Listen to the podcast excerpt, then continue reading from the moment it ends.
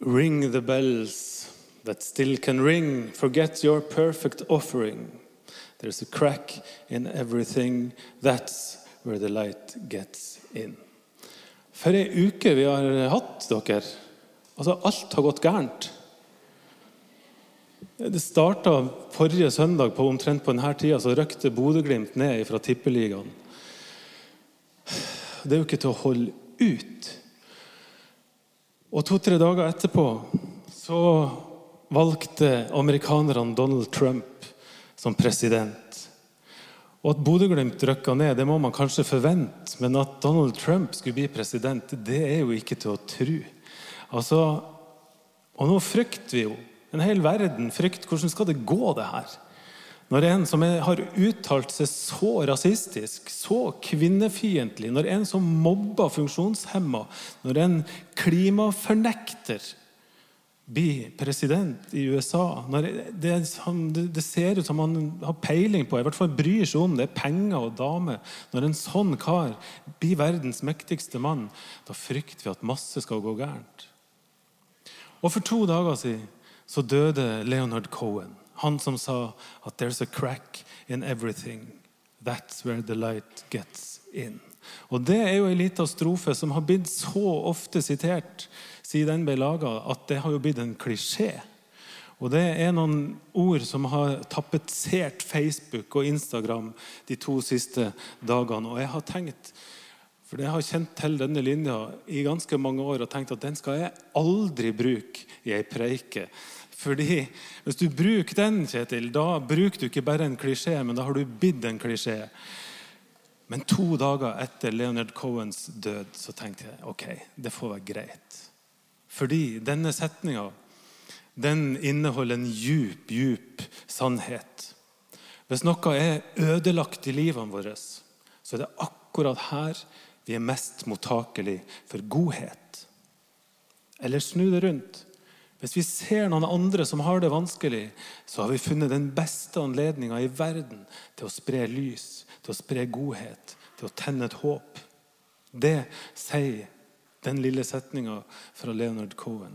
Og jeg leste nylig, For en måneds tid siden så leste jeg et intervju, et kjempefint intervju i Dagbladet om en kar på min alder fra Finnmark. Han heter Eirik Nilsen. De heter gjerne sånne ting i Finnmark. For et par år siden så var han en som snakka høyt om hvor farlig det er med innvandring. Hvor skummelt det er å få muslimer til Norge. Han ville sende ut alle sammen. Og hvis det var én nordmann som skulle få lov til å juble om at det skulle komme en mur mellom USA og Mexico, ja, da ville Eirik Nilsen stilt seg først i køen. Han bor i Kirkenes. Og Veien over til Russland den er ganske kort. Og En dag så kjørte han over grensa for å fylle bensin. Og da forandra alt seg. For da så han dem. Da så han denne lille familien som var dårlig kledd i kulda, og som var på vei over grensa til Norge, over Storskog. Og alt de eide, hadde plass i en liten bærepose. Da stoppa han. Og så snakka han med dem. Og før han kjørte videre, så ga han dem alt han hadde av mat og klær i bilen. Og i dagene etterpå så kjøpte han vann, boller, kjeks, litt sånne ting. Og så stilte han seg opp ved grensa, og så delte han ut til alle de som kom. Etter det så meldte han seg som frivillig ved transittmottaket i Kirkenes. og Der kom det i den perioden 200 mennesker om dagen. Og forholdene der, sier han, fortvilelsen som han så, og vennskapene som han fikk, det forandra hjertet mitt helt, sier han i dette intervjuet. Og I dag så har det roa seg på Storskog, men hjertet til Eirik Nilsen det banker fortsatt hardt. Så han har reist til Hellas han, for å hjelpe til i flyktningeleirene der. Og hver dag etter det så har han mottatt hets på sosiale medier. Han har til og med fått drapstrusler fra folk som han tidligere var helt enig med. Men det bryr jeg meg ikke om, sier han. Jeg kan jo ikke la være å gjøre dette her. Jeg har kommet tett innpå disse folkene. Og de som sender meg trusler, de har ikke gjort det. Men jeg kan ikke sitte her og se på at folk er i en så vanskelig situasjon. Det viktigste, Dette er det viktigste jeg har gjort i hele mitt liv. Og jeg tenker, Er det ikke flott? Jeg tenker at Her har det nesten skjedd et mirakel. Denne mannen har jo forandra seg totalt. Han som var så ekstremt fiendtlig, han er nå opptatt av å gjøre godt mot andre. Og dette, Hvordan skjedde dette? Jo, det skjedde fordi han fikk en nærhet til andres svakhet og sårbarhet. Han kom så nært at han fikk se at there's a crack in everything. Og Da han begynte å se folk rett i øynene i stedet for å uttale seg fra sofaen, så kunne han ikke la være å forandre seg. Alt ble snudd opp ned. Jeg tenker som så at et mirakel det kan jammen være så mangt. Og Historia som Sara leste fra Bibelen nå nettopp, den handler jo om et mirakel. Et mer tradisjonelt mirakel, kanskje. I hvert fall det vi forbinder med et mirakel. Det var en helbredelse.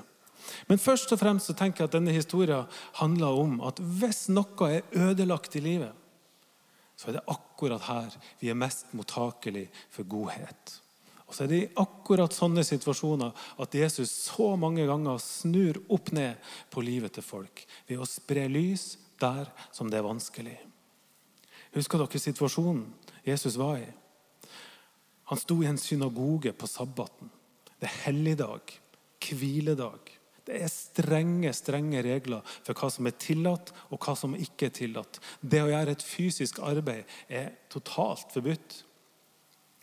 Og Jesus han står der, han er opptatt av å undervise. Og det var greit. Det var visst ikke noe arbeid. Synd for dere som er lærere, for å si det sånn. Men så ble han forstyrra.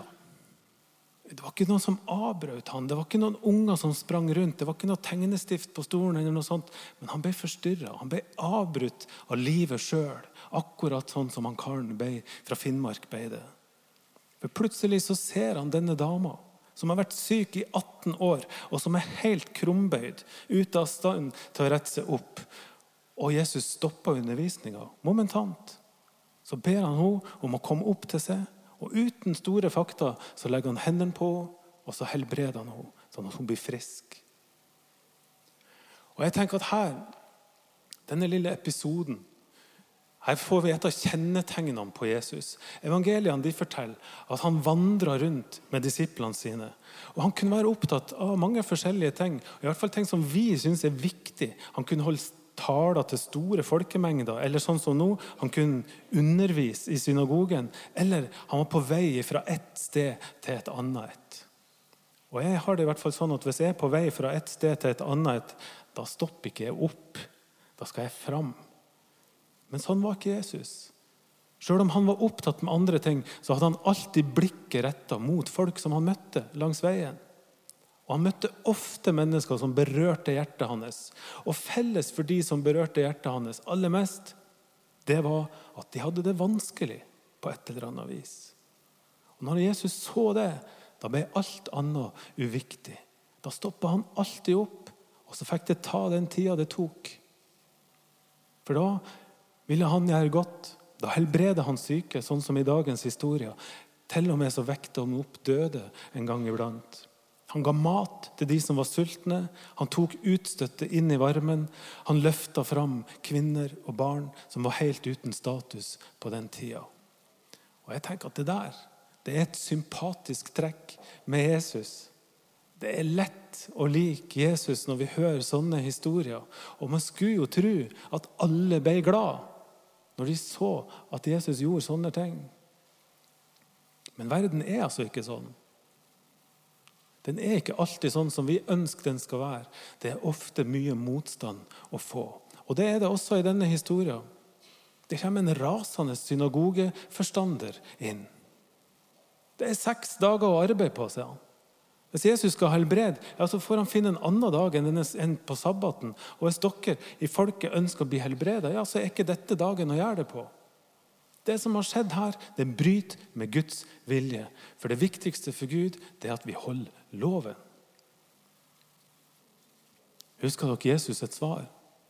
Det er helt fantastisk fint svar. Han får motstanderne sine til å skamme seg. Det er så lett å overse ei sånn kvinne. Det er så lett å trakke på de som ligger nede. Det er så politisk korrekt å si at man aldri skal bryte loven uansett. Og så sier Jesus, men her, her er et Abrahams barn. Her er en vi ikke kan holde på avstand. Dette er ei dame vi må kunne se rett inn i øynene. For dette er en av oss. Det er et Abrahams barn. Et menneske vi skal identifisere oss med. Sjøl om hun ser annerledes ut enn oss. Sjøl om hun er i en annen livssituasjon enn de fleste av oss. Denne kvinna her hun er viktigere enn loven. En annen gang Jesus ble beskyldt for å jobbe på sabbaten, så sa han at det er jo ikke sånn at mennesket er til for loven. Det er jo motsatt. Loven er til for mennesket. Og her demonstrerer Jesus akkurat det helt konkret. Hvorfor i all verden skal ikke hun bli løst fra denne lenka på en sabbat? spurte han. Og På den måten så demonstrerer Jesus et menneskesyn som er ukrenkelig. Og jeg tenker at Kjerna i evangeliet den finner vi her. En Jesus som lar seg forstyrre av livet. Som lar seg forstyrre av folk i nød. Da blir alt annet uviktig. Loven blir uviktig. Truslene som kommer etterpå, de blir uviktig. Det å spre lys der det trengs som mest, det overskygger alt annet. Og Hvis dere er i tvil om det, så kan dere i hvert fall vite det nå, da, at Jesus er vårt forbilde her i kraftverket.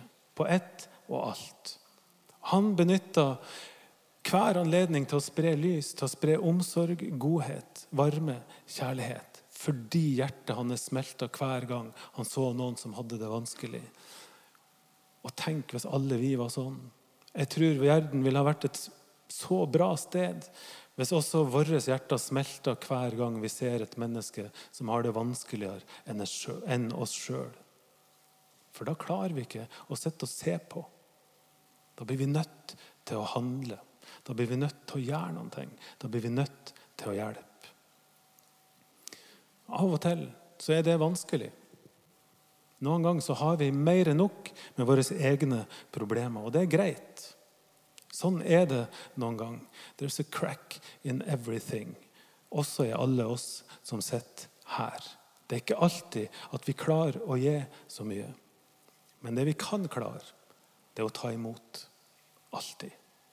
Ta imot godheten ifra andre mennesker som bryr seg, og som vil oss vel.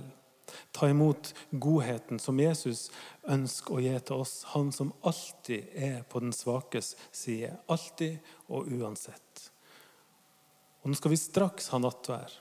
Og nattverden handler om akkurat det, om å komme til Jesus. Og så skal vi slippe å prestere noen ting som helst, og bare vite at disse ordene er sann. Ring the bells that still can ring. Forget your perfect offering. There's a crack in everything. That's where the light gets in.